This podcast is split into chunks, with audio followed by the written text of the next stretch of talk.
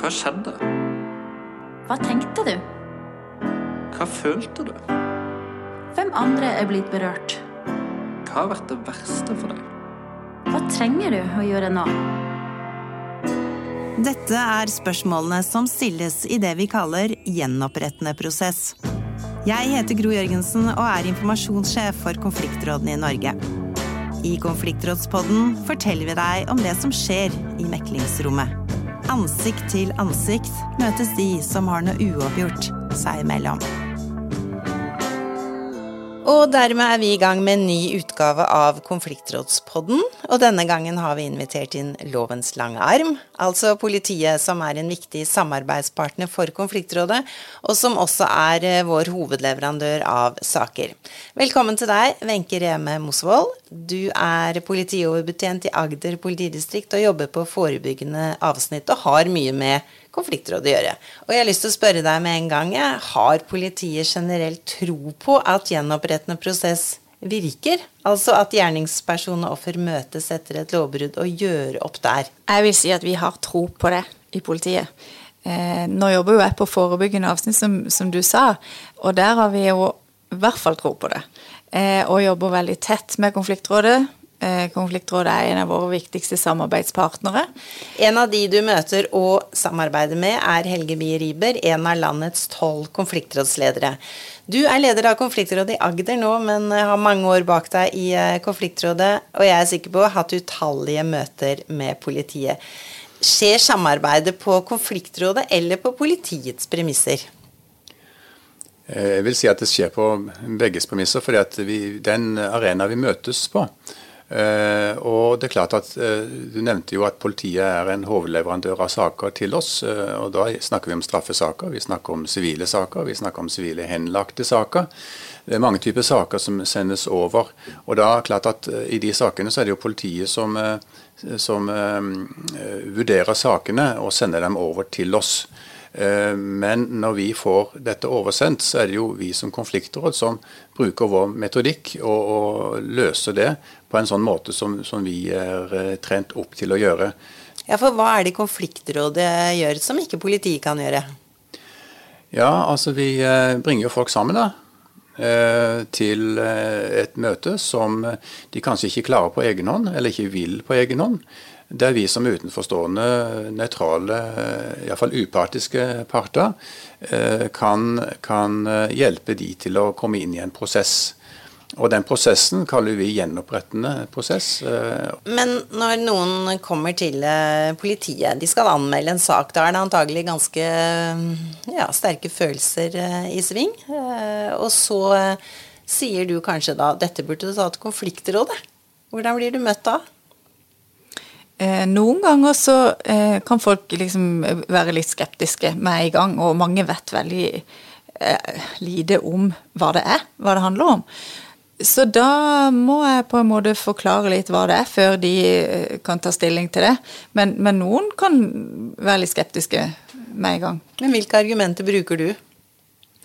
Eh, jeg, jeg begynner nok med å si at det kan være en veldig ålreit måte å ordne opp med den andre på.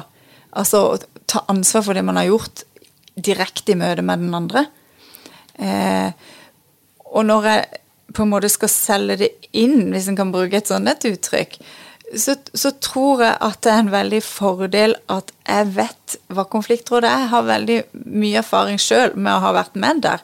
Så jeg har så troa på det, og jeg er så trygg på at når jeg sender fram en sak, så vil de bli ivaretatt på en veldig god måte. Så det jeg prøver å gjøre, er jo å trygge de på, på hva som skal skje. Hva, hva, hvor er det henne?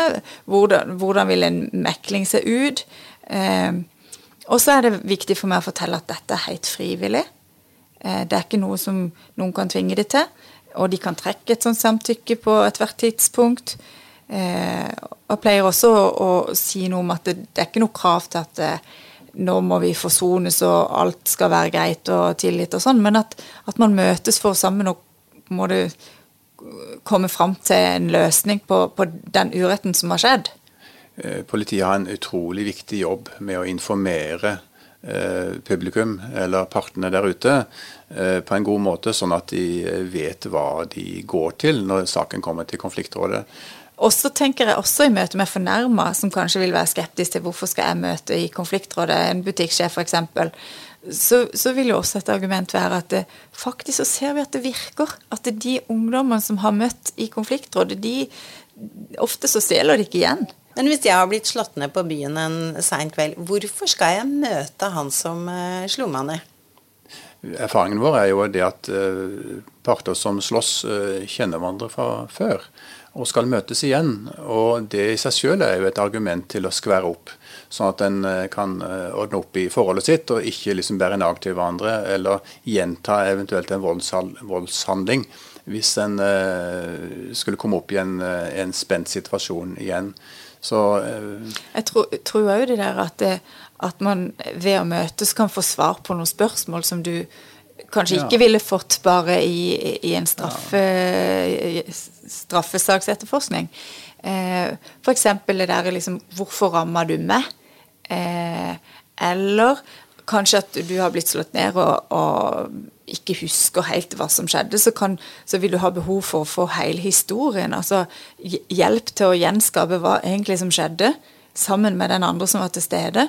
Som nok kan være veldig godt for en som er fornærma i en sak, og få hele historien. Mange lurer nok på hvor uh, grensa går for alvorlige saker som politiet gir til konfliktrådet. Kan du si noe om det? Før så var det sånn at det, eh, konfliktrådet ble mest brukt i mindre alvorlige saker, og gjerne ungdomssaker. Mens nå så har det skjedd en, en endring de siste årene, og vi ser at det blir brukt også i alvorlige saker. Eh, det som skiller, er at du kan ikke sende en straffesak som ville medført ubetinga fengsel rett til konfliktrådet, og så skal det være et alternativ til straff. Da blir konfliktrådsbehandlinga et supplement til straffen. Altså ja takk, begge deler. Eh, mens i mindre alvorlige saker så, så kan konfliktrådsbehandlinga erstatte straff. Eh, så, så, der skiller vi litt. Men det som jeg syns er veldig bra, det er at nå kan man gjøre begge deler samtidig. Men, men, hva er hensikten med å gjøre begge deler? Det jeg spør meg kanskje, Hva er forskjellen på det som skjer i en rettssal, og det som da skjer i et gjenopprettende møte? I, en, i, et, i et gjenopprettende møte så har du jo mye mer den der direkte dialogen. Eh, når folk møtes ansikt til ansikt, så så må du ta ansvar for det du har gjort, på en helt annen måte. Og så vil det være mer fokus på offeret, kanskje.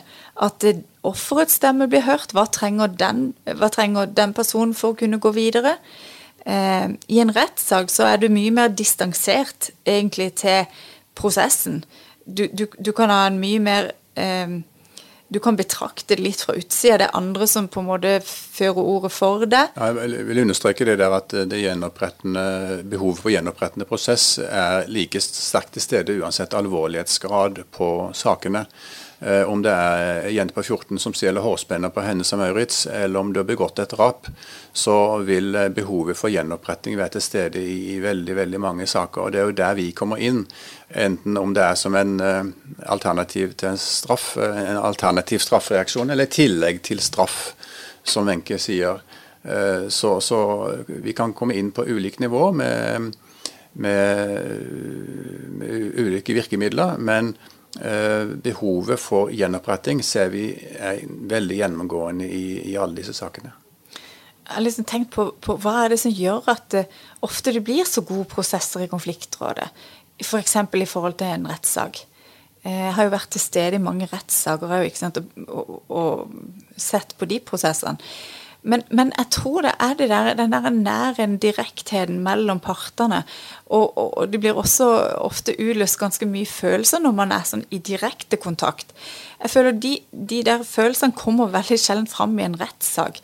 Jeg tror en gjerningsmann, når, når han sitter såpass på avstand og betrakter det utenfra, får ikke fram den empatien. Eller den empatien blir ikke utløst, for han ser ikke offeret som så sårbart. Altså når det blir prosedert gjennom eh, en politiadvokat eller et eller annet. Nå snakker du som politi, men du har jo også jeg kan nesten si litt sånn privat erfaring også med et gjenopprettende møte? Ja, det har jeg.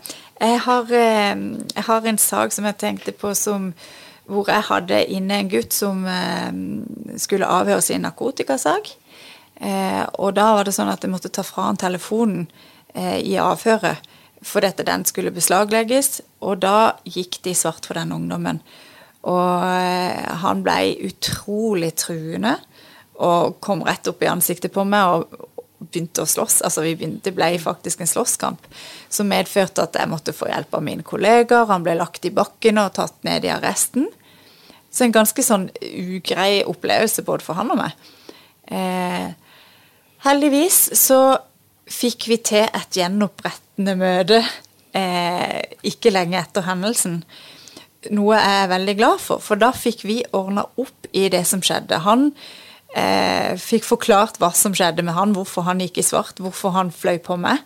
At eh, han egentlig var utrolig redd for hva som lå på den telefonen, og da mista han det litt.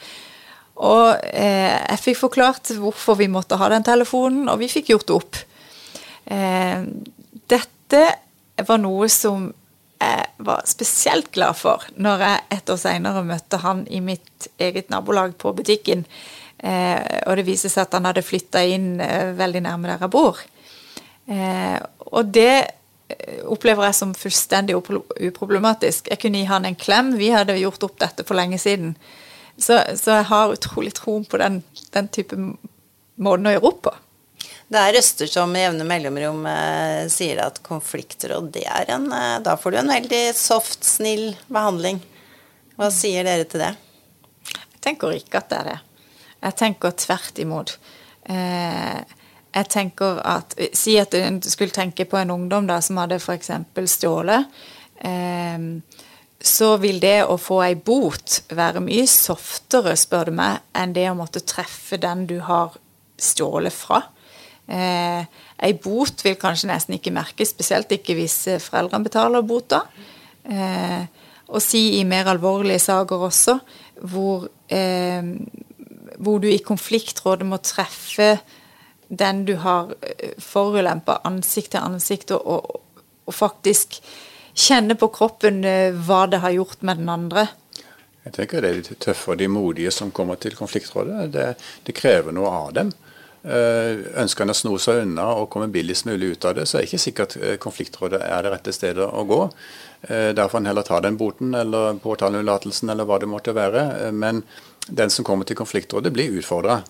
Ikke, ikke, mer enn de kan klare, men de blir utfordra på å stå for det de har gjort, og finne fram til løsninger som kan, kan gjøre at saken blir løst tøffe, modige folk kommer til eh, konfliktrådet.